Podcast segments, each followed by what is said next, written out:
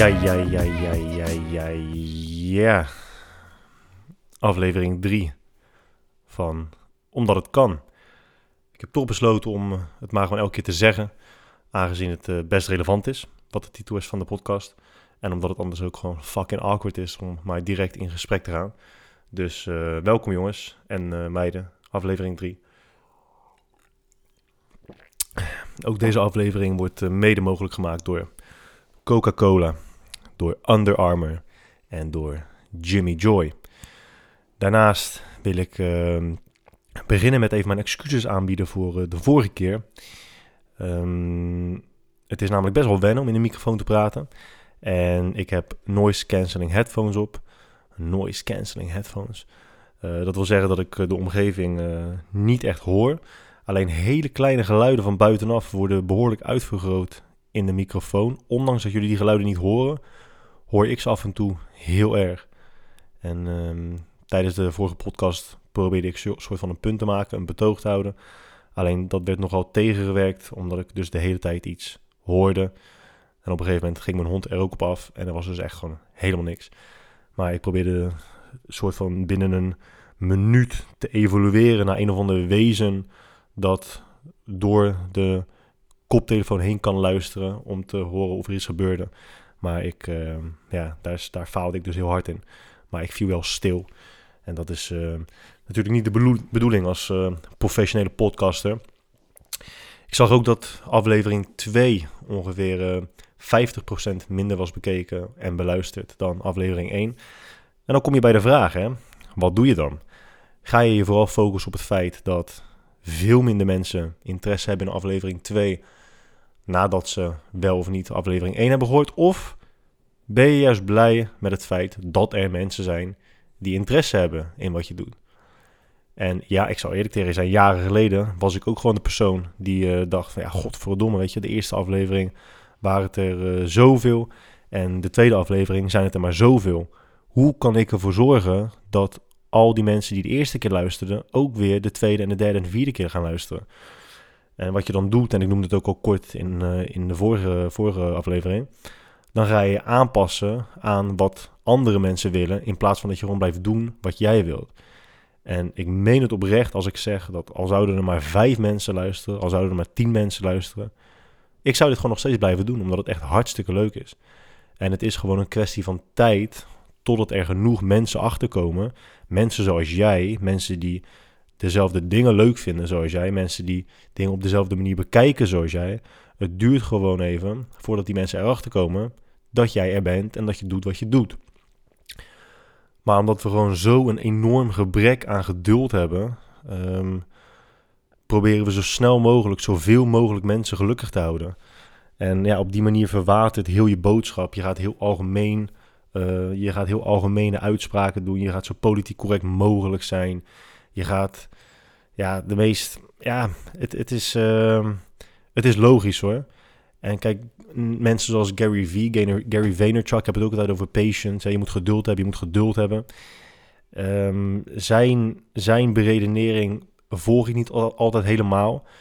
Ik ken maar weinig mensen die, als het gaat om werken, echt werken, weinig geduld opbrengen. Als je, als je namelijk werk verricht, heb je heel weinig tijd om ongeduld op te brengen. De meeste mensen die ongeduldig zijn, zijn de mensen die hun succes laten afhangen van getallen en dan met name getallen op social media. Um, ik wil zo snel mogelijk 100.000 volgers. Die en die en die krijgen 5000 likes per foto, ik maar 8. En ik wil er meer. Uh, en ik kan gewoon niet wachten voordat, voordat het zo is.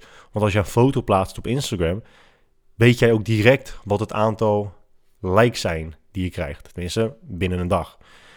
Um, dus het resultaat volgt al heel snel. En als je elke keer in je gezicht gevreven krijgt dat het resultaat wat je wil er nog niet is.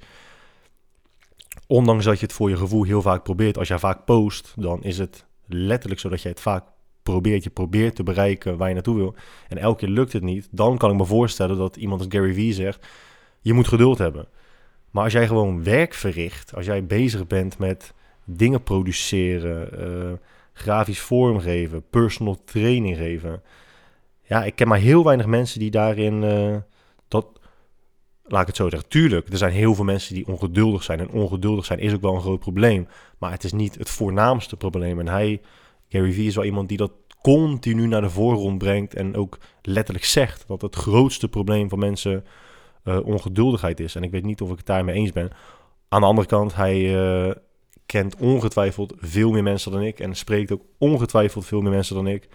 En ontvangt ook veel meer berichten dan, uh, dan ik krijg. Vele, vele, vele malen, min, malen meer. Dus zijn referentiekader is waarschijnlijk een heel stuk meer betrouwbaar dan, dan, dan dat van mij. Het kader, dat kader, dan dat van mij.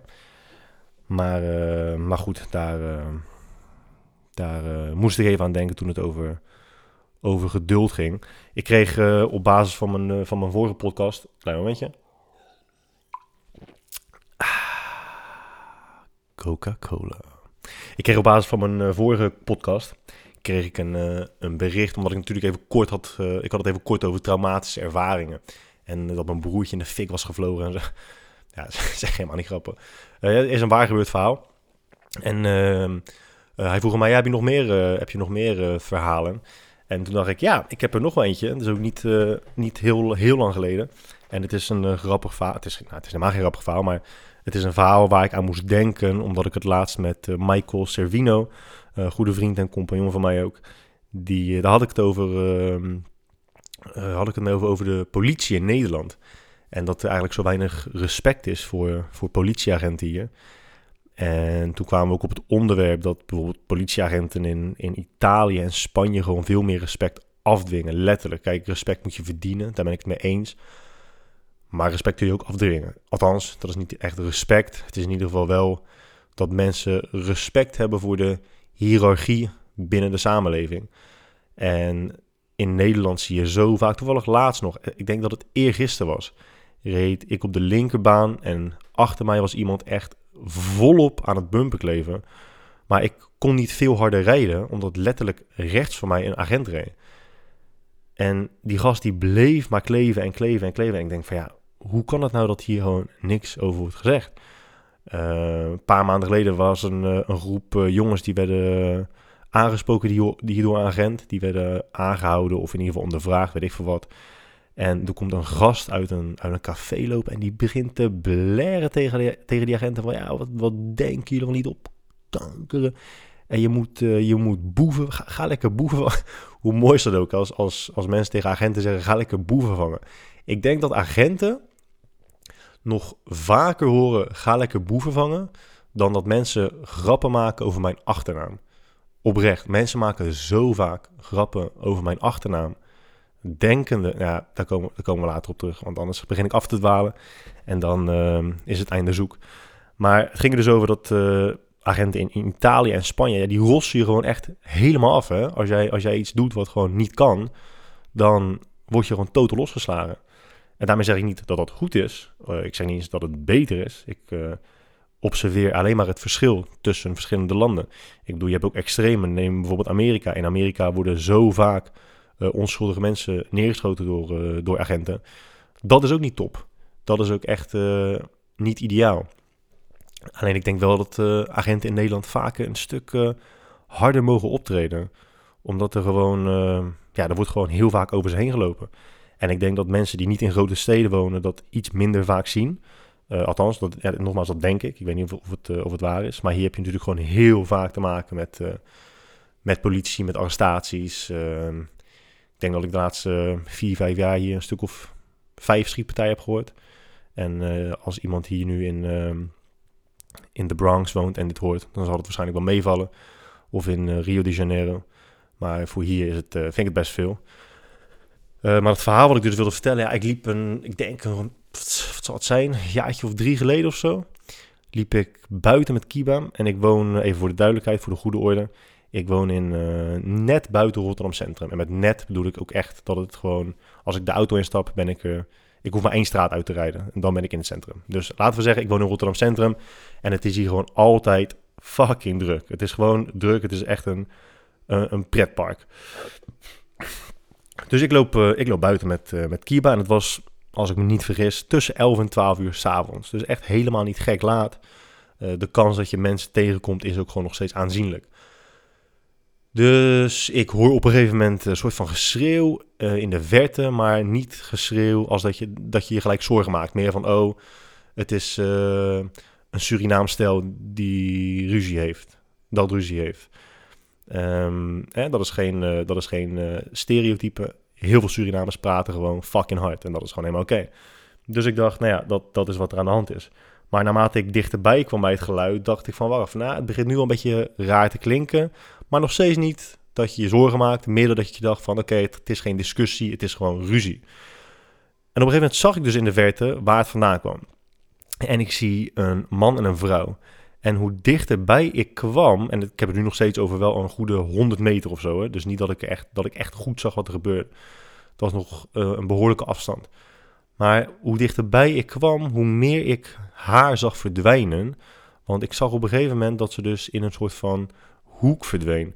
En nu ga ik het even uitleggen. Het is, er staat bij ons hier in de buurt staat een studentenwoning in een L-vorm. Tenminste, geen L-vorm, gewoon in een, in, een, in een hoek, waarbij allebei de kanten even lang zijn. Um, en in het midden van, van, van die hoek ligt gewoon een grasveld.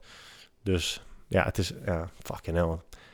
Er zo'n complexe uitleg voor zoiets fucking simpels. Maar dus je hebt een hoekgebouw en in het midden daarvan heb je gewoon een grasveld. En ik zag haar dus, maar dus um, links daarvan, of aan de zijkant daarvan, staan lantaarnpalen. Dus dat hele grasveld is behoorlijk donker, dat zie je niet. En ik zag haar dus in die hoek getrokken worden en ze verdween eigenlijk gewoon de duisternis een beetje in. Je, je zag er op een gegeven moment wel nog, naarmate ik nog dichterbij kwam. Uh, ik ging me pas echt zorgen maken toen ik dus een jongen, een derde jongen, uh, nee, een tweede jongen, sorry, want ze, het was een man en een vrouw. En de tweede jongen kwam opeens de bosjes uit en die hield dus uh, zijn hand over haar mond. Dus haar geschreeuw werd ook opeens gedempt. En toen was ik denk ik op een goede 20 meter, 20, 30 meter afstand. En ik dacht, oké, dit is wel een serieuze zaak. Maar toen keek ik omhoog en boven hun dus dat is echt denk ik een meter of drie of vier erboven, waren er dus mensen uit het raam aan het kijken. Maar die deden gewoon echt helemaal niks, die zeiden niks. Um, en ze stonden ook niet achter het raam, ze hadden het raam inmiddels al geopend en ze keken gewoon echt naar buiten. Maar ze deden dus helemaal niks.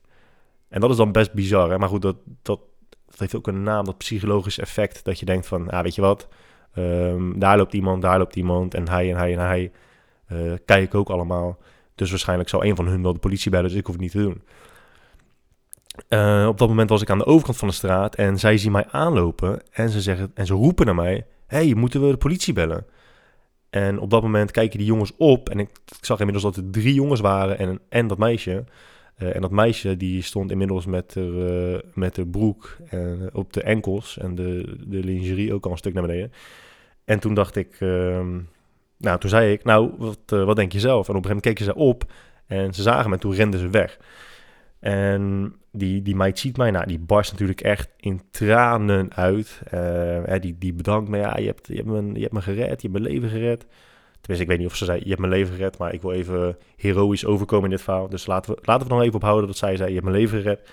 Um, en toen werd het, ja, toen werd het zo fucking, toen werd het heel ongemakkelijk. Want toen, um, van geluk, ging ze dus op haar knieën. Um, en ze, ze pakte mijn, ja, mijn enkels vast om me gewoon echt te bedanken. Uh, uh, uh, en, op een gegeven moment zie, ik dus, zie ik dus dat Kiba, mijn hond, die is gewoon tegen tegen haar aan het, aan het rijden. oh ja, dat is, ja, het is best wel erg, maar het is wel heel grappig. Het is wel een, een, een ironisch einde. Maar goed, die gasten die probeerden haar dus te verkrachten. Lang verhaal kort, lang, een heel lang verhaal, iets kort te maken. Zij uh, was een, uh, een toerist en ze had een paar jongens gewoon de weg, de weg gevraagd naar het Centraal Station. En die zeiden, nou weet je wat, we lopen gewoon met je mee, we moeten ook die kant op. En dan uh, hoef het niet uit te leggen aan. Nou, vond ze hartstikke leuk. Hè? Wat een vriendelijke, vriendelijke meneer in Nederland. En de eerste de beste kans, de eerste de beste hoek die ze vonden, trokken ze haar dus in. Maar waar, dit sluit aan ook op het, politie, op, het politieverhaal. Op een gegeven moment belde ik de politie op. En die kwamen aan en die, die agenten, was een, een dame die stond zo verschrikkelijk ongemakkelijk tegen me te praten. Dus op een gegeven moment zeg ik tegen haar van... Ja, sorry, maar wat is er aan de hand? Want ja, ik krijg een beetje een ongemakkelijk gevoel van je. Zij zei, ja, ik ben heel erg bang voor je hond. Kijk, iemand die mijn hond nog nooit heeft gezien. Mijn hond is echt heel... Los van het feit dat het de liefste hond in de wereld is. Hè. En iedereen die zelf een hond heeft, die hoort dit en denkt... Nee, nee, nee, guy. Mijn hond is echt de liefste in de wereld. Maar, uh, maar dat is jouw mening. Maar, maar jouw mening is fout. Want mijn hond is echt de leukste hond in de wereld. Maar ze was zo bang van hem. En hij is 10 kilo, hè. Hij lijkt op foto's lijkt hij wel een stuk, uh, stuk groter. Maar het is echt een vrij kleine hond. En dan denk ik, ja, hè, hoe, kan je nou, hoe kan je nou de wereld verbeteren? Hoe kan je nou hard moeten optreden als je bang bent voor een hondje? Het is echt een hondje. Het is niet zo'n hond. Het is wat een hondje. En dan sta je gewoon, ze stond echt gewoon een beetje, ze stond gewoon echt een beetje te trillen. En hij, hij deed niet eens iets. Hij stond gewoon naast me. Misschien was ze bang dat hij haar ook ging bereiden. Ik weet het echt niet. Maar dat was echt een heel ongemakkelijk einde van een al uh, best ongemakkelijk verhaal. Maar goed, wat ik net zei ook over mijn achternaam. Ja, agenten horen natuurlijk altijd... hey, ga jij eens even lekker boeven vangen. En dan denk ik ook altijd... ah oh, jongens, dat moet toch echt jullie strot uitkomen. Hoe vaak denk je dat ik niet hoor? Iemand, mensen moeten altijd... En kijk, het is hartstikke leuk hoor. Blijf me vooral berichtjes sturen over mijn achternaam. Uh, ik schaam ook helemaal niet voor mijn achternaam. Het is ook echt mijn echte naam. Het is geen... Dat hebben mensen ook vaak aan me gevraagd. Is dat je echte naam of is dat een artiestennaam? Of een, of een, een uh, naam van je, van je persona? Hoe de fuck ben ik een persona? Of een, waarom zou ik een artiestennaam hebben? Ik ben gewoon een dude die personal training geeft. Wat, wat moet ik dan met, artiest, met een artiestennaam? De eerste, de beste keer dat jij een, een personal trainer spreekt en die zegt... Uh, nou ja, ik ben, uh, ik ben Chris, maar uh, jij, mag me, jij mag me Danny noemen. Danny, Danny Droog. Want dat is mijn artiestennaam. Als een personal trainer ooit tegen jou zegt: Ik heb een artiestennaam. en jij neemt personal training bij hem af. dan zou ik echt een lange tijd in de spiegel kijken. Want een personal trainer neemt echt geen artiestennaam. Dan ben je echt veel te zelf ingenomen.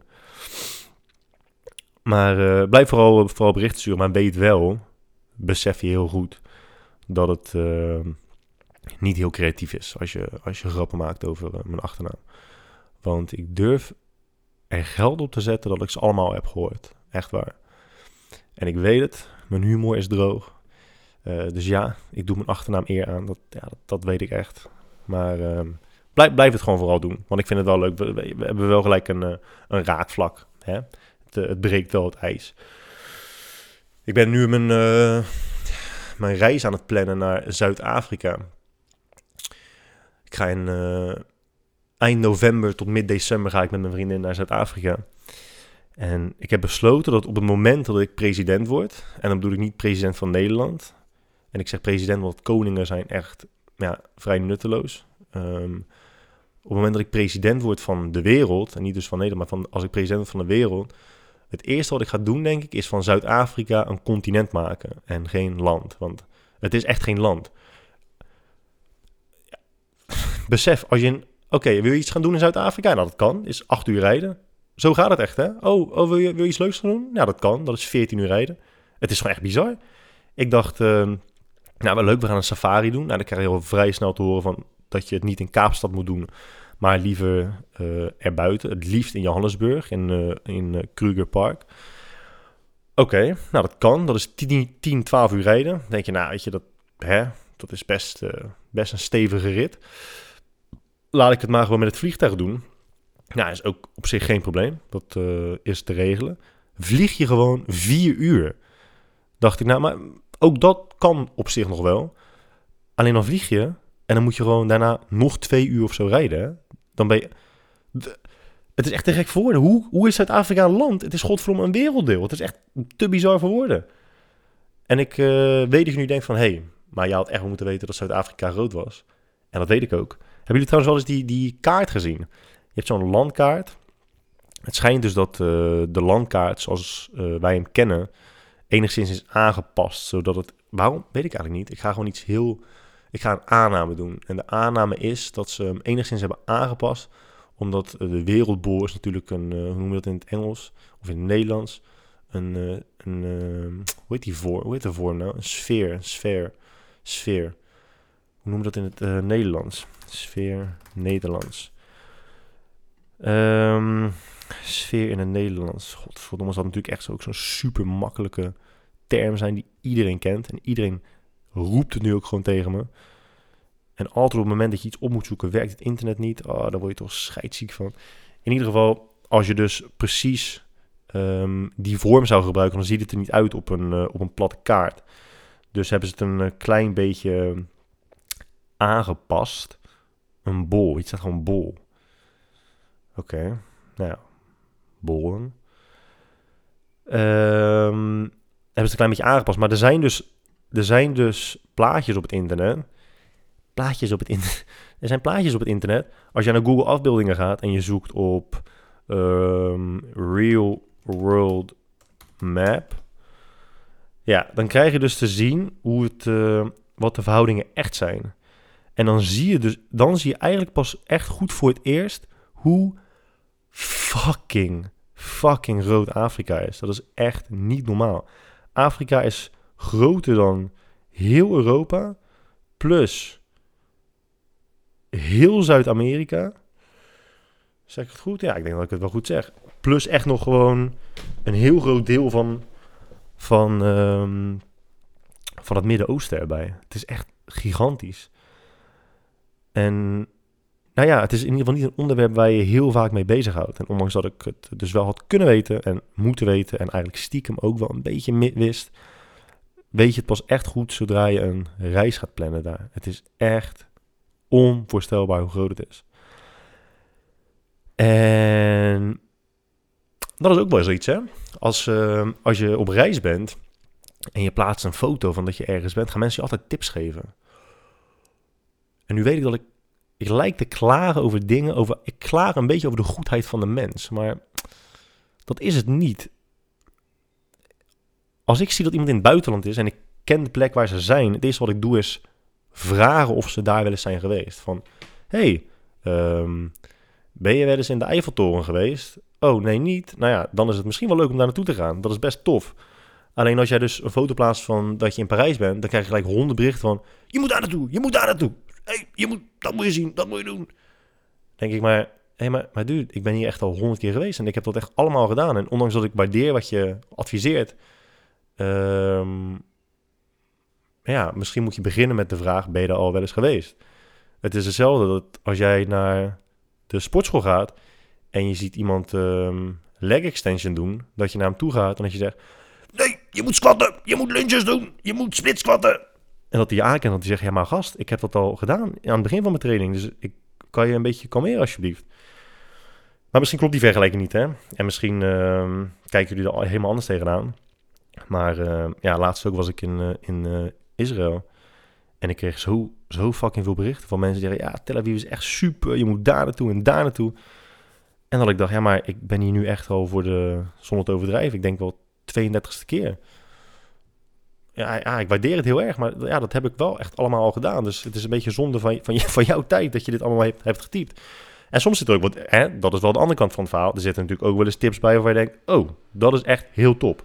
En natuurlijk is dit hele verhaal gewoon een, een subtiele hint over dat als jij tips hebt voor Zuid-Afrika, um, dat het uh, beter is als je zegt: hey, gast, heb je hier of daar naar gekeken? Want ik ben al best wel lang bezig met de planning. Ik heb gelukkig uh, uh, daarin ook een goede adviseur, um, de Boer. Dames en heren, ik heb Jelme de Boer al best wel lang niet genoemd in deze podcast. dus check even jelmedeboer.nl. Maar hij is er ook al voor mij zeven keer geweest. En die heeft uh, hier en daar goede tips gegeven. Voor nu staat uh, Kaapstad op de planning, een goede zeven dagen. We gaan naar uh, Franshoek, naar Hermanus, naar Plettenberg B, naar Port Elizabeth. We gaan naar Addo Olifantenpark. En voordat je het afvraagt, ja, het is een park waar olifanten echt heel goed worden behandeld. Het is niet dat ze daar 400 toeristen op hun rug donderen elke dag. We gaan naar de Amakale Game Reserve naar Oudshoorn, naar Stellenbosch. Het wordt een hele interessante vakantie. Waarbij we van de twee weken dat we er zijn, volgens mij uh, eh, 13 dagen in de auto zitten om te rijden. Maar het is allemaal hartstikke leuk. Allemaal, allemaal hartstikke leuk. Ik ga, volgend jaar ga ik proberen om de twee, ma twee maanden weg te gaan. Het is echt, al ga je maar voor een weekend weg, het is echt een soort van een reset in je leven. Dat je even denkt van, nou, het is niet zozeer dat je weg moet uit je omgeving. Het is gewoon meer dat je uit je routine wordt gehaald. En dat is gewoon heel prettig. Want zelfs in het weekend heb je vaak al een beetje routine. Dat je denkt van, nou, ik word zo en zo laat wakker. Doe ik het rustig aan, gaan we ontbijten. En ja, dan ga je toch altijd, je neigt altijd naar je favoriete zaakjes. Je doet altijd wel een beetje hetzelfde. Zelfde mensen om je heen, zelfde zaakjes, zelfde dit, zelfde dat, hetzelfde even eten. Dus dan ga je even een weekendje naar Parijs, weekendje naar Londen. Het hoeft tegenwoordig ook echt helemaal niet zo duur te zijn. Je kunt echt zulke goedkope vluchten boeken. Uh, hè? Check even thuisblijven is duurder. Goedkope vluchten boeken goedkoop eten. Het is echt allemaal helemaal niet meer zo, uh, zo duur. Als je, als je, Nederland is ook gewoon een heel duur land. En de meeste landen, er zijn, nou er zijn heel veel landen die echt wel een stuk goedkoper zijn dan Nederland. Alleen er naartoe is, uh, kan prijzig zijn, maar hoeft het ook zeker niet, zeker niet te zijn. Kunnen we trouwens ook even een mythe tackelen over, over vliegtuigen. Je hebt, uh, als jij in het vliegtuig zit, dan hoor je natuurlijk altijd van, hey, uh, dames en heren, we gaan zo meteen uh, opstijgen. Wij verzoek, verzoeken u vriendelijk, wij verzoeken u vriendelijk om uw telefoon uit te zetten of op vliegtuigmodus um, te zetten. Dank u wel. Ik moet trouwens echt geen piloot worden, want ik kan, ik kan het gewoon niet. Ik kan niet, die omroep kan ik gewoon niet. Of hoofdsteward zou ik ook niet kunnen worden. Maar um, dan hoor je dus dat je je telefoon uit moet zetten. En je denkt te weten waarom. En de meeste mensen denken dat het is omdat je anders uh, storing kunt creëren in het vliegtuig, met, met de apparatuur van het vliegtuig. Laten we, dat, laten we even die mythe tackelen. Uh, ik ben natuurlijk begonnen met mijn carrière uh, ook door mythes te tackelen in de fitnessindustrie. Laten we nu, ik ga nu gewoon mijn, mijn carrière als piloot starten door mythes te tackelen in het vliegtuig. Je denkt toch niet oprecht dat een, een, een fabrikant een vliegtuig produceert van tientallen miljoenen euro's, die vervolgens naar beneden gehaald kan worden door fucking Annemarie, die op rij 23 Candy Crush wil spelen. Dat, dat, kan, dat slaat toch helemaal nergens op? Maar heel veel mensen denken dat wel. Ja, nee, nee, nee, nee, nee. nee. Je moet uh, je telefoon wel uitzetten, hè, want ja, dan stoort het met, uh, met de apparatuur van, van de piloot en dan kunnen we neerstorten. Ja, nee, oké. Nee, dat, nee, ja, klinkt echt heel, uh, heel logisch. Echt overtuigend ook. Ik denk inderdaad dat, um, dat mijn mobieltje de kracht bezit om gewoon een, een vliegtuig naar beneden te halen. Als ik uh, Instagram uh, opstart midden in het vliegtuig. Het is zelfs zo gebleken, volgens mij hebben ze een keer onderzoek naar gedaan. Of ze hebben het op basis gedaan van, uh, van observaties van stewardessen in het vliegtuig. Dat de helft of meer of minder, ongeveer de helft van de mensen nooit hun telefoon uitzet of op, op vliegtuigmodus zet.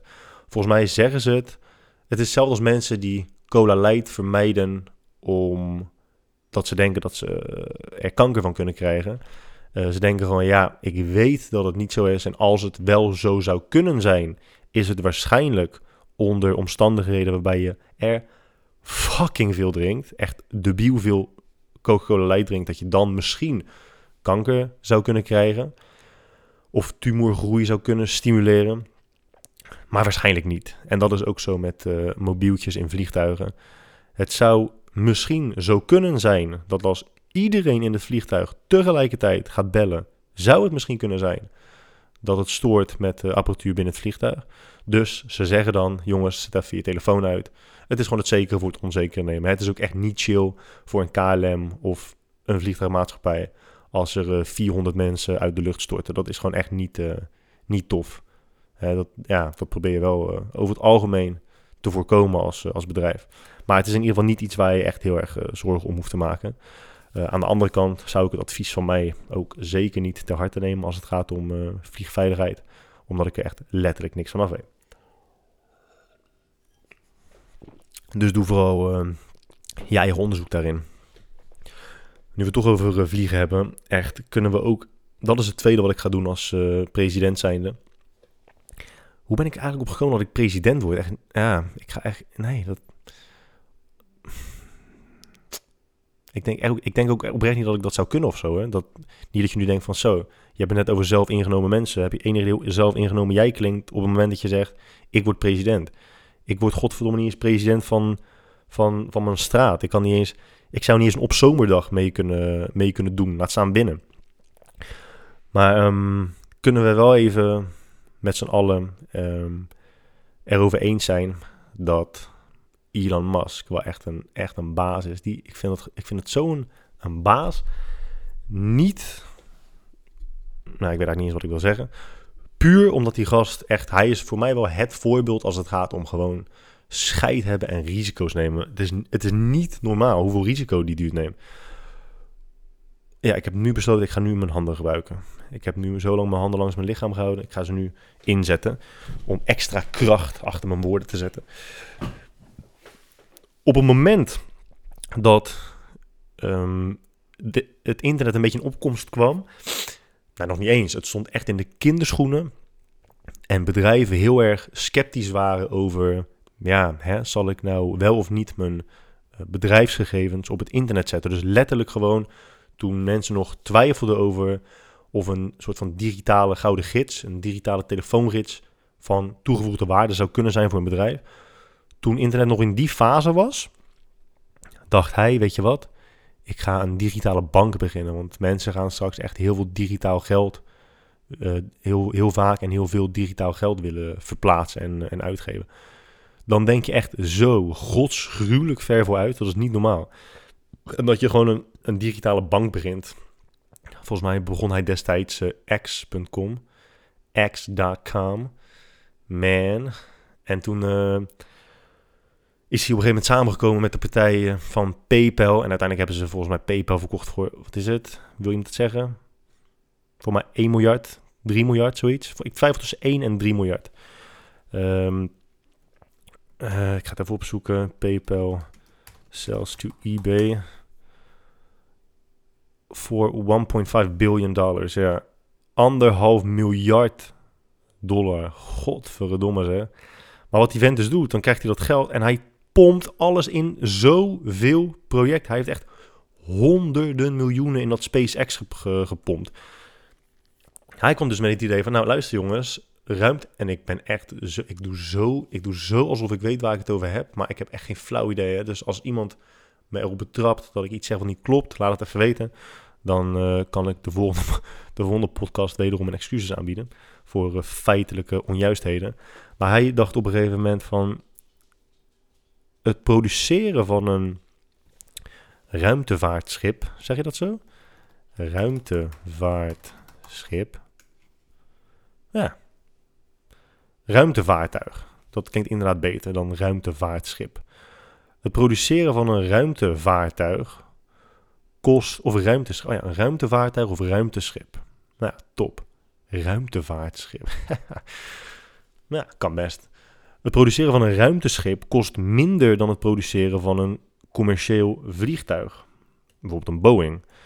Maar toch is ruimtevaart veel, veel, veel duurder dan um, vliegen naar Zakynthos. En nou, dat weten de meeste mensen wel. Maar waarom is dan de vraag? En dat wist ik zelf ook niet. Uh, totdat ik zijn verhaal las. En het is dus gewoon heel simpel. Een ruimtevaart. God, ben ik het gewoon weer kwijt. Een ruimteschip. fucking ruimtevaartschip. Een ruimteschip kost gewoon. Uh, kan niet. Komt niet volledig terug. Er breekt gewoon een heel fucking groot stuk af. En dat verdwijnt. En ja, dat is kut. Dus hij dacht, we moeten gewoon een ruimteschip ontwerpen die terugkomt. En dat heeft hij gedaan. Je hebt ook video's op zijn Instagram, dus dat je, die, dat je die uh, ruimtevaartuigen de lucht in ziet schieten. Raketten die de lucht in gaan. En die komen ook gewoon echt weer precies in die lijn terug. Dat is echt fucking tof. Maar op die manier kan hij dus straks uh, uh, vluchten naar de maan en dergelijke. Kan hij dus uh, net zo goedkoop aan gaan bieden als commerciële vliegtuigvluchten. En dat vind ik ook iets wat gewoon heel tof is. Zeker nadat je dus al PayPal en zo hebt gedaan. En hij, uh, hij had ook gewoon momenten dat volgens mij toen ze, toen ze die raket aan het testen waren, kostte het volgens mij 60.000 dollar of zo. Elke keer om, om zo'n raket de lucht in te sturen. En de een na de ander ging kapot en kapot en kapot en weer vol en weer. En hij bleef het maar doen. Hij bleef erin geloven, bleef zijn geld erin pompen. Het is echt te bizar.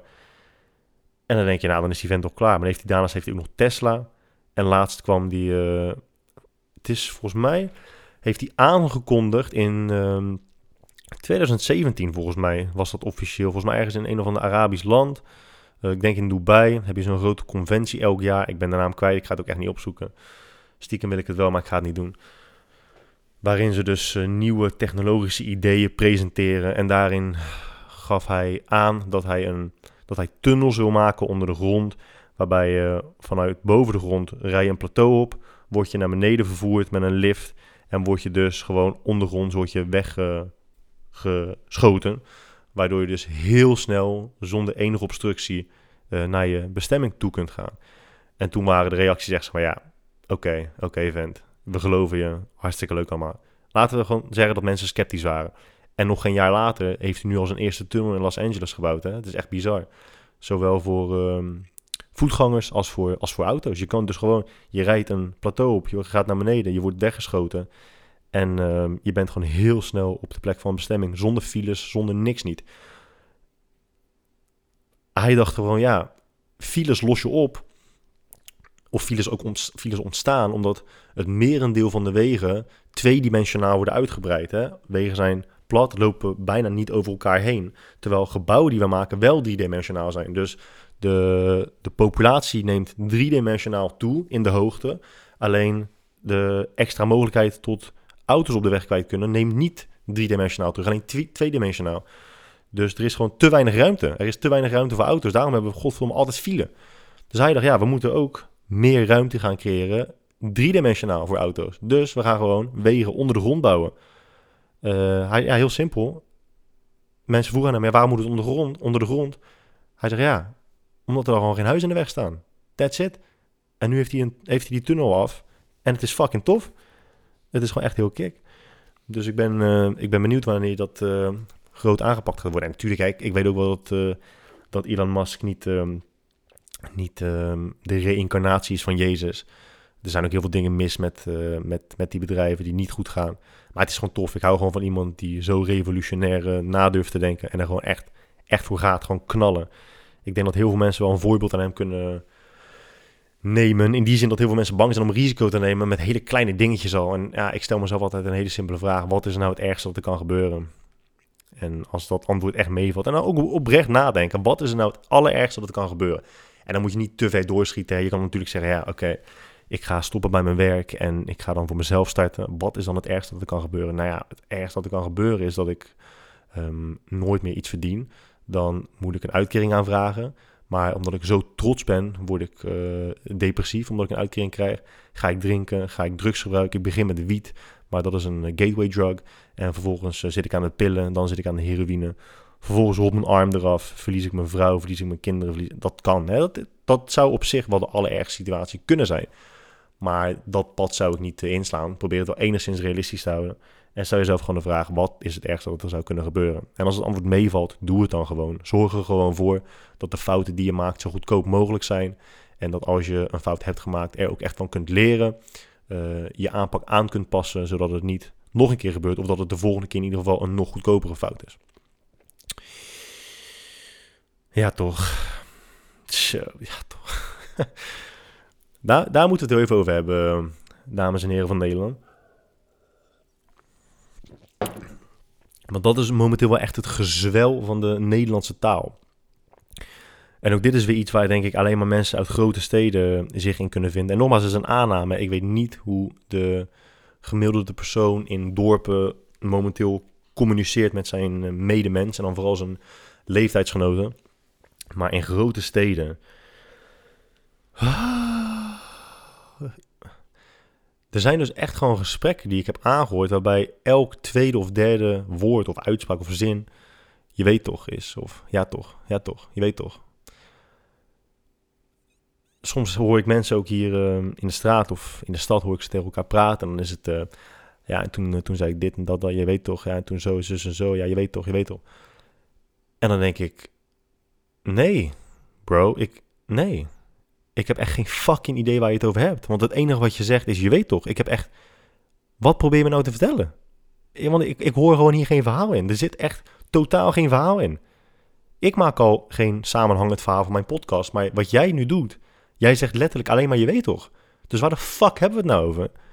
En ook mensen die ja toch zeggen. Ja toch. Heel dat ja toch, ja toch. Je hebt sowieso nu heel erg de cultuur dat mensen aan je vragen hoe het is. Zonder dat ze ook maar een greintje omgeven hoe met je gaat. Hè? Dus dan is het van, uh, hoe is het? En ik zat dan altijd bewust van, ja, maar gaat goed bij mij. Hoe gaat het met jou? Ja, toch? Nee, du nee, ik weet niet wat je bedoelt. Wat is ja toch? Is ja toch dat het goed gaat? Of zeg je maar gewoon ja toch omdat dat is iets is wat iedereen zegt? Is dat gewoon het antwoord dat je zou moeten geven? Ja toch? Oké, oké. nee, ja, nou, top. Het gaat zelfs zover nu er was een periode dat mensen zeiden eh, rustig. Hè? Ja, hoe is het? Ja, va ja, rustig. Oké. Maar nu, uh, nu zie je dus wel eens gewoon mensen in de gym die dan zegt de ene, kijkt hij hem aan, rustig? Ja, toch. En dan zegt de andere weer, ja, toch. Ja, waar, waar hebben we nou? waar, hebben we het nou over? Even serieus. Eigenlijk moet je gewoon een keer als iemand tegen je zegt, hey, vakka. Nou, uh, goed dat je het vraagt, uh, ouwe. Want ik had uh, toevallig de laatste drie dagen behoorlijk diarree. En dat heeft ervoor gezorgd dat mijn inwendige aanbijen weer naar buiten zijn gekomen. Ben ik naar de dokter geweest. Hij zei, nou, het zit er dik in dat we ze moeten verwijderen. Maar goed, al met al gaat het niet heel erg goed met me. Ja, toch? Hoe gaat het met jou? En kijken wat ze dan zeggen. Ik denk dat ze dan dat ze daar best wel van, van op zullen kijken. Maar al met al vind ik dat dat best wel iets is wat, uh, wat veranderd zou, zou kunnen worden. Ik ben nu ook gewoon zover, ja, ik, ik reageer er ook niet meer op. Als iemand aan me vraagt hoe is het, wil ik wel een beetje het gevoel hebben dat je, dat je interesse hebt in het antwoord. Dat is sowieso wel vaak in gesprek. Hè? Mensen hebben niet zozeer interesse in wat jij zegt. Je ziet ook aan de meeste mensen, als je met ze in gesprek zit, dat ze aan het wachten zijn op een moment dat zij weer kunnen praten. Daarom heel veel gesprekken tegenwoordig zijn gewoon twee monologen die tegen elkaar aanbotsen. Iedereen blert maar gewoon zijn, uh, zijn gedachtegang de ruimte in. En terwijl ik dat uitspreek, denk ik over, ja, dit is letterlijk wat ik nu doe. Maar nu ben ik ook gewoon echt, echt alleen, dus dan maakt het niet uit. Maar als je in een, uh, als je toevallig een keer in een dialoog verkeert, dan is het best respectvol om uh, oprecht interesse te hebben in wat de ander zegt. En niet alleen maar te wachten op jouw beurt om wat te zeggen. Ja, toch. Oh, oh, oh, oh. Het is gewoon een. Uh, ja, het is ook misschien allemaal een beetje gebrek aan uh, creativiteit. Misschien een beetje gebrek aan, uh, aan humor, creatieve humor. Kijk ook naar. Klein beetje hoor, even een slokje.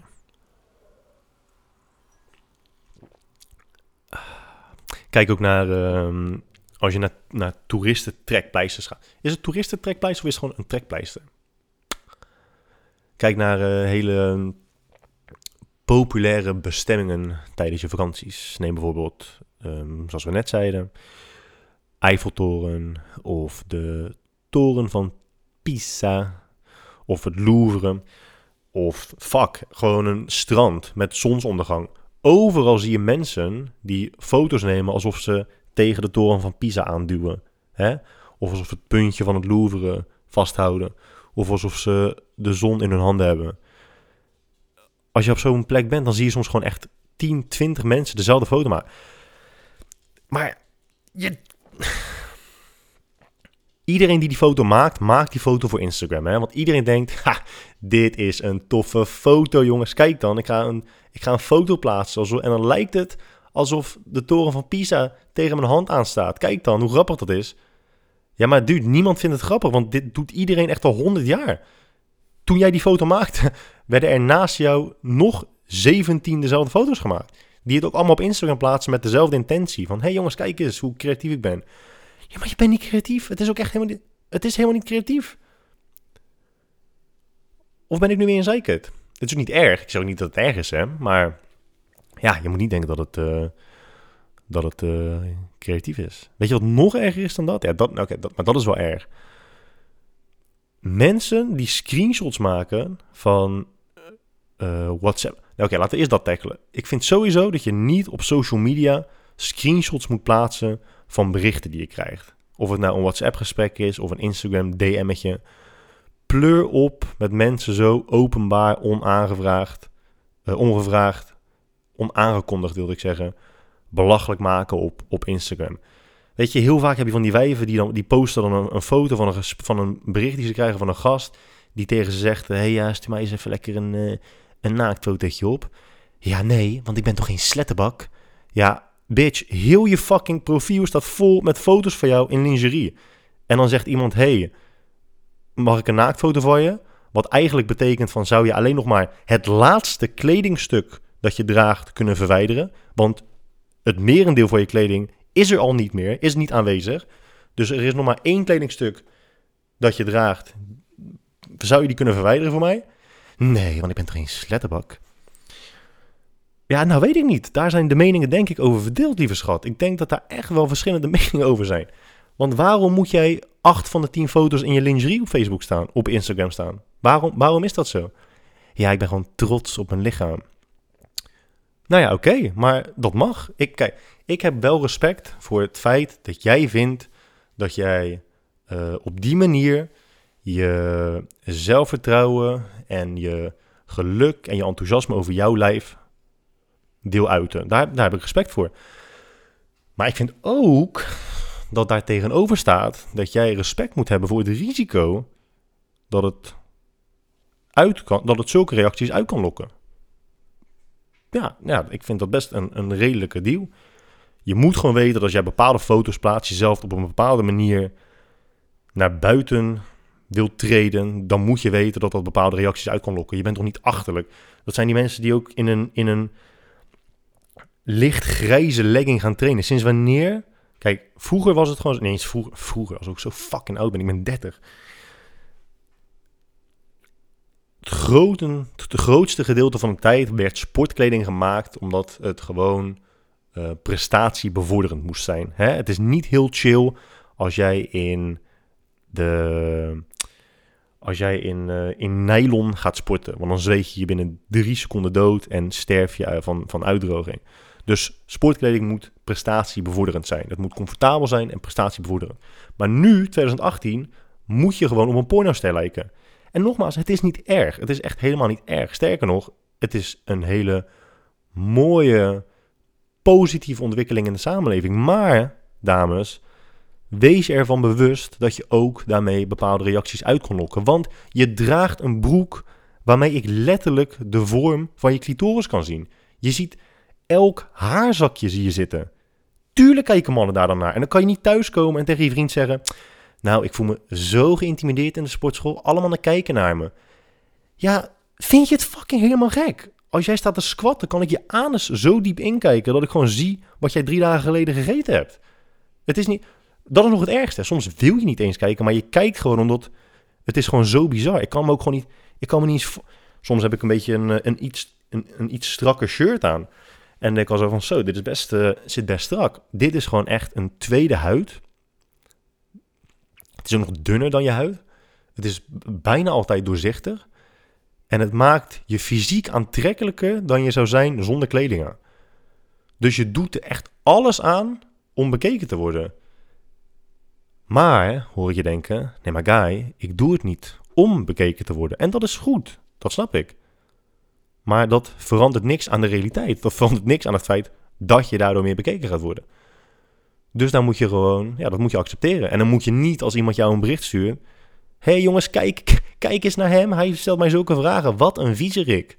Ja, hallo, echt letterlijk iedereen denkt die gedachten. En als het even kon, zou iedereen het ook aan je vragen. En weet gewoon heel goed dat jij zulke reacties uitlokt. Want dan kan je verzekeren dat er ook heel veel vrouwen zijn die zulke reacties niet krijgen. Dus misschien zegt het meer over jou dan over de persoon die jou zo'n bericht stuurt. Of vrouwen, en mannen trouwens ook hoor. Je hebt natuurlijk ook gewoon, uh, alleen mannen uiten vaak hun uh, seksuele verlangens vaak iets meer agressief dan, dan vrouwen dat doen. Soms hebben mensen gewoon een bepaalde fetish, weet je wel. En dan, en dan reageert iemand in een privébericht. Stel je voor, iemand post weer een foto natuurlijk, natuurlijk in een string of in een strakke legging. En in plaats van dat iemand reageert met zo, je hebt een fucking lekkere reet zeggen ze: Oh, je hebt, uh, je hebt mooie voeten, zeg. Dan zou ik echt wel een keertje mijn tong uh, langs willen halen. En dan posten ze het in een fucking stories van: Eeuw, kijk dan, wat een viezerik. Kijk, jij vindt het vies omdat jij gewoon beoordeelt vanuit je eigen referentieka referentiekader. Dat maakt jou niet beter en dat maakt hem niet slechter. Dat hij andere dingen lekkerder vindt dan jij, of dat zij andere dingen lekkerder, lekker vindt dan jij, maakt hem of haar niet heel erg raar. Voor jou misschien wel, maar niet gewoon, ja. Er is toch helemaal geen reden om die persoon openbaar belachelijk te maken. Maar goed, wat nog erger is dan ehm, foto's bij de toren van Pisa en uh, de Eiffeltoren. Oh, hier word ik gewoon rillerig van. Is mensen die foto's maken, die screenshots maken van uh, hun groepsgesprekken van met vrienden, vriendinnen. Of gewoon uh, een gesprek met, met één of één vriend of vriendin. Van inside jokes. En het dan op, in hun stories plaatsen met haha, kijk dan hoe leuk wij het hebben. Oké, de definitie van een inside joke is dat het alleen maar grappig is voor de mensen die weten waar de fuck het over gaat. Die betrokken zijn bij jouw sociale cirkel, die de context van de grap moeten weten, begrijpen, kennen. Die, die moeten gewoon weten waar de hel het over gaat. Die moeten de achtergrond kennen. Dat is een inside joke. Dus heel vaak zie je inside jokes voorbij komen van groepsgesprekken of uh, één op één gesprekken. En dan denk ik, ja, maar niemand weet waar het over gaat. Echt niemand weet, niemand weet waar je het over hebt. Dus niemand vindt het grappig. Waarom pla Moet je denken dat Doan en ik met elkaar aan het lachen zijn, wat best regelmatig gebeurt, en dat ik een inside joke ga plaatsen. En dat, en dat ik dan verwacht dat jullie weten waar we het over hebben. Dat we een grap maken over iets wat echt in 1992 is gebeurd. Dat, en dat alleen wij twee het weten. En dat ik een screenshot ga maken van een grap die we er nu over maken. En dan van jullie verwacht van, hey, kijk eens, kijk eens hoe grappig dit is. Waarom doen mensen dat? Ik snap echt niet waarom mensen dat doen. En ik volg niet eens zo heel veel mensen. En nog steeds zie ik dat best regelmatig voorbij komen. Is het, is het uh, om te laten zien dat je gewoon vrienden en vriendinnen hebt waar je mee lacht? Oprechte vraag trouwens, hè? Misschien kan iemand mij dat vertellen. Willen mensen gewoon graag laten zien van... hey, kijk eens, ik heb uh, sociale contacten waar ik het leuk mee heb. Het is natuurlijk ook een beetje jezelf omhoog brengen via een ander. Het is eigenlijk een soort van testimonial. Kijk jongens, iemand anders vindt mij heel grappig. Dus dat kan jou ook grappig maken. Misschien, misschien is dat... Maar ik vind het heel raar. Een inside joke, hou je gewoon een inside joke. En die ga je niet delen op Instagram. Niemand weet dat. Niemand, niemand snapt het. Echt helemaal niemand snapt het. Ook als, uh, ook als iemand je een verhaal vertelt. En uh, opeens heel random, heel willekeurig een naam erin gooit. Ja, dus ik was uh, laatst bij de slager. En wie staat er naast me? Wesley. Nou, echt bizar. En dan denk ik, wie de fuck is Wesley? Wie is Wesley? Als je mij een verhaal wil vertellen en je wil het hebben over een persoon... Um, en je wil die persoon ook echt introduceren bij zijn naam... Doe dat dan, laat me dan eens weten wie, laat me dan eens weten wie het is. Ik heb echt geen idee wie het is. En dan, ben je, moet je eerst heel het verhaal aanhoren... voordat je eindelijk ergens een moment vindt om te kunnen onderbreken... die zegt, hey, um, hè? je bent al acht minuten aan het praten over uh, Wesley, maar ik, ik weet niet wie het is. Zou je misschien eerst even uit kunnen leggen wie dat is, voordat je heel dit uh, verhaal afmaakt? Of uh, voordat ik mezelf het raam uitgooi? Nou, dankjewel. Oh, oh, oh, oh, oh, wat mooi zeg weer allemaal. Wat een geklagen, jongens. Ja, het is geen klagen. Het is meer gewoon observeren en het dan uitspreken. En dan ben ik ook echt benieuwd hoe anderen daarin staan, wat andere mensen daarvan denken. Hoe zouden we de algehele creativiteit van mensen kunnen verhogen? En ik impliceer ook echt niet dat ik creatief ben, echt helemaal niet. Maar ik durf wel te zeggen dat ik een gebrek aan creativiteit ook uh, kan uh, beoordelen. En misschien hoor je dit nu en denk je, ja maar gast, dit, dit verhaal wat jij nu net hebt verteld de laatste 50 minuten, heb ik ook al honderd keer gehoord. Kijk maar gewoon naar hem en naar hem en naar hem en naar hem en naar hem. En dat je mij zes podcasts laat zien waar gewoon bijna exact hetzelfde wordt besproken. Ja, dat zou ik best kut vinden. Dat zou best wel een reality check zijn. Dat ik denk van, oh ja, nou ja dan ben ik dus ook echt net zoals al die lullers waar ik het net over had. Misschien moeten we gewoon uh, de wereld massaal van drugs voorzien.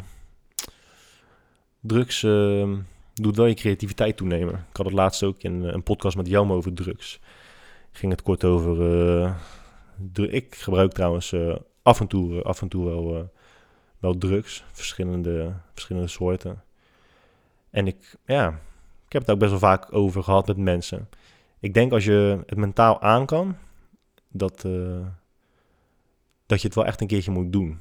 Dat als je, ik durf echt te stellen dat mensen die het nooit zullen doen, echt iets missen. Ja. En ik ga niet uh, het gebruik van drugs uh, promoten, helemaal niet. Want er zit natuurlijk ook gewoon meer dan genoeg, meer dan genoeg risico's aan verbonden. Alleen het eerste argument wat de meeste mensen vaak je kant op gooien is... Ja, nee, maar ik heb het helemaal niet nodig. Ik heb het ook gewoon naar mijn zin zonder drugs. Ja, ik heb het ook naar mijn zin zonder drugs. Alleen het is niet eens hetzelfde spelletje dat je speelt. Het is, het is niet eens te vergelijken met elkaar. Iets doen met drugs en zonder drugs, het is niet te vergelijken met elkaar. Echt, echt totaal niet. Het is zo een, ander, een andere belevenis. Dat je kan niet zeggen, ja, maar ik heb het ook naar mijn zin zonder drugs. Ja, hartstikke leuk voor je. Maar met drugs is de ervaring gewoon heel, heel anders. Echt compleet anders. Maar aan de andere kant, je moet er ook wel, uh, je moet er ook wel tegen kunnen. Want afhankelijk van wat je doet, kan het natuurlijk best een, uh, best een impact maken. Middelen als DMT, waarbij je gewoon voelt dat je bewustzijn uit je lichaam wordt getrokken en je uit elkaar spat en eigenlijk gewoon praktisch doodgaat. Ja, is best, uh, is best heftig. En ik vind ook dat je het niet moet doen als je denkt dat je verslavingsgevoelig bent. Daar moet je ook echt mee oppassen. Ik ben dat, ben dat niet. Zeker niet met, met drugs, maar ik vind het gewoon heel erg heftig. Net als met uh, bijvoorbeeld als je 2CB gebruikt. Dat je, je realiteitsbesef is gewoon zo, is gewoon helemaal kwijt. Moet je denken dat, dat jij nu op de manier... Kijk even om je heen op dit moment. En wat jij nu om je heen ziet, ervaar jij als de realiteit. Want je voelt wat je voelt, je ziet wat je ziet, je ruikt wat je ruikt. Dit is voor jou nu gewoon de realiteit en dat weet je zeker. Dan moet je denken dat je nu, pam, eruit snapt en dat je denkt van, hè, maar net zat ik heel anders en ik dacht dat ik dit en dat deed en zo en zo dacht. En dat dat elke minuut of elke 30 seconden dat dat gewoon gebeurt. En dat je elke keer denkt van, oké, maar nu is echt de realiteit. En elke keer blijkt het dus niet zo te zijn. Dat is met uh, hoge doseringen 2CB, dat is echt heel heftig. Dan kan je gewoon er 100% zeker van zijn dat je met iemand in gesprek bent die naast je zit op dat moment. En dat je, pam, 30 seconden later kijk je en dan zie je gewoon dat je dus met je, met je hoofd tussen je handen ligt. Dat je denkt van, hè? Ik was toch net gewoon in gesprek met jou? En dat hij dan zegt, dude, ik weet echt niet waar je het over hebt, want ik dacht dat ik op een hele andere, op een hele andere planeet was. Ja, wel gek dat er zoveel taboe omtrent drugs is. Ik weet ook wel zeker dat er mensen nu tussen zitten die denken? Doe jij dat? Mag jij dat als personal trainer? Best zonde, want ja, aan de andere kant, taboe omtrent uh, drugs in Nederland valt best wel mee. Je kan echt tegen iedereen zeggen, eh, ik slik wel eens een pilletje op een festival. Als, je nou, als je tegen iemand zegt, ik ga wel eens naar festivals, dan is de kans groot dat jij gewoon wel eens ecstasy gebruikt. Maar daar staat dan tegenover dat als jij tegen iemand zegt, sorry, ik gebruik uh, ik gebruik steroïden. Nee. Doe jij dat? Weet je wel hoe slecht dat voor je is?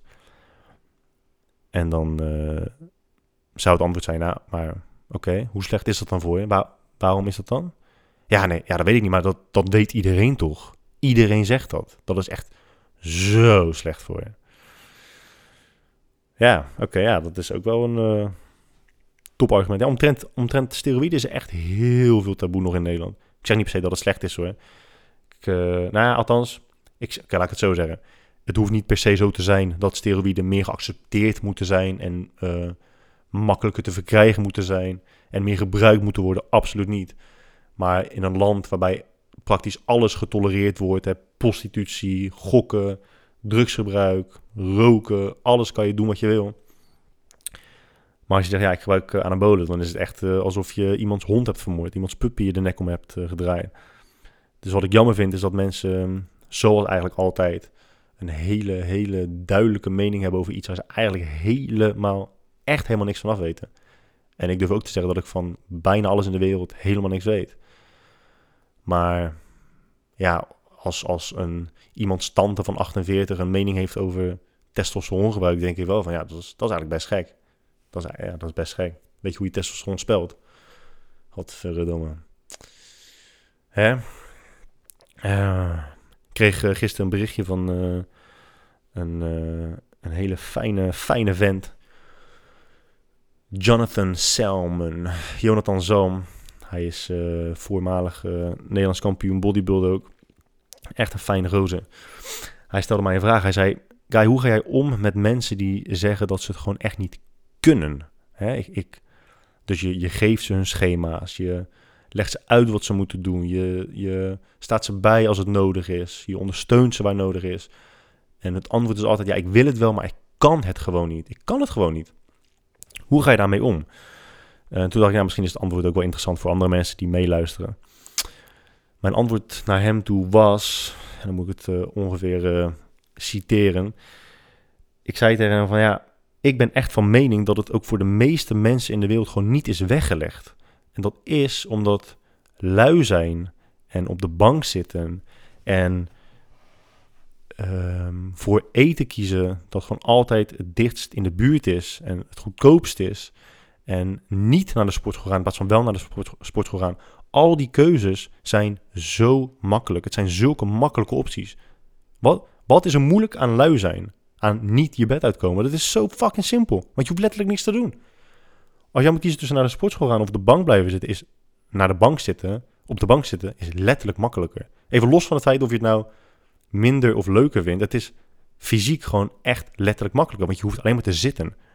Dus het is niet heel gek dat heel veel mensen bijna altijd voor die keuze gaan. Die kiezen ervoor om op de bank te blijven zitten. Die kiezen ervoor om een donut te halen s ochtends in plaats van een fucking acai bol te maken.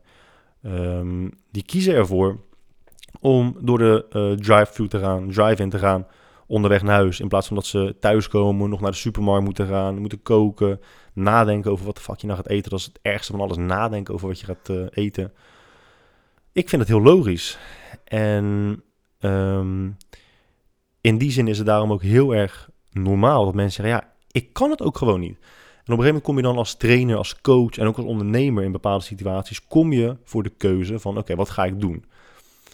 Ben ik een trainer die ervoor kiest om altijd, kosten wat het kost, mijn cliënten um, proberen te overtuigen, proberen te helpen om ze uiteindelijk hopelijk zo ver te krijgen dat ze het wel kunnen?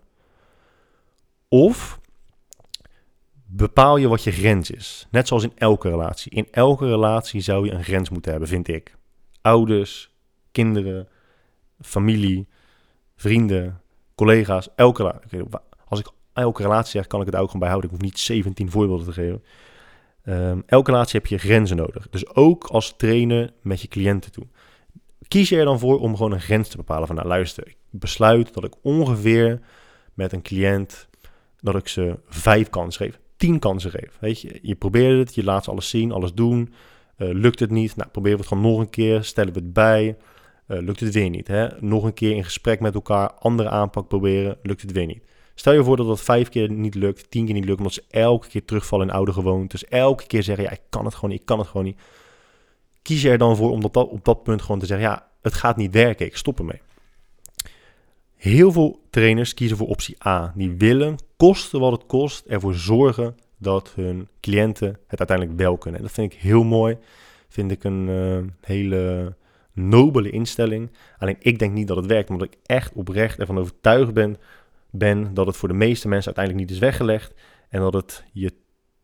Mm, ja, het is uiteindelijk beter voor je eigen stressniveau, voor je eigen mentale welzijn, uh, voor je eigen tijdsmanagement beter om je vooral te focussen op de mensen die het wel kunnen en het makkelijk kunnen. Of mensen die het uiteindelijk wel kunnen, maar daar gewoon uh, moeite mee hebben en daar hulp bij nodig hebben.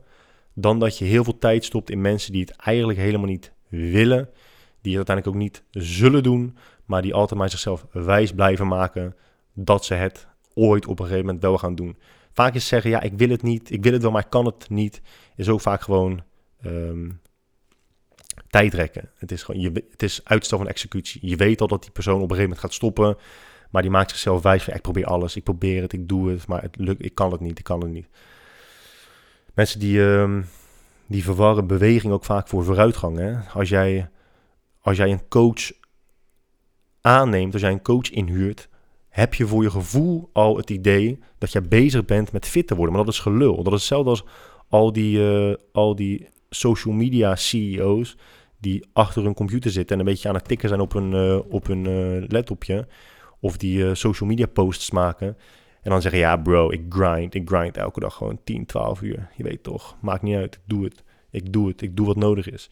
Ja, maar dude, dat is niet werken. Dat is gewoon, dat is bewegen, maar dat is niet vooruitgang. Het draagt totaal niet bij aan, oké, misschien niet, niet totaal niet, maar niet zoveel als dat je denkt dat het uh, bijdraagt. En dat is hetzelfde als met mensen die fit willen worden, die gaan artikelen lezen of die gaan uh, een coach aannemen of die gaan sportkleding kopen. En ondanks dat het leuk is en het dient misschien wel als basis om motivatie te krijgen om de volgende stap te zetten, want actie leidt tot uh, motivatie. Uh, terwijl de meeste mensen het omdraaien. De meeste mensen zoeken eerst naar motivatie om in actie te kunnen komen. Maar actie leidt tot motivatie. Alleen als die eerste hoeveelheid actie uiteindelijk tot niks anders leidt, alleen maar tot dat het alleen maar leidt tot dat jij tegen jezelf kunt zeggen: ja, maar ik ben echt bezig met fit worden.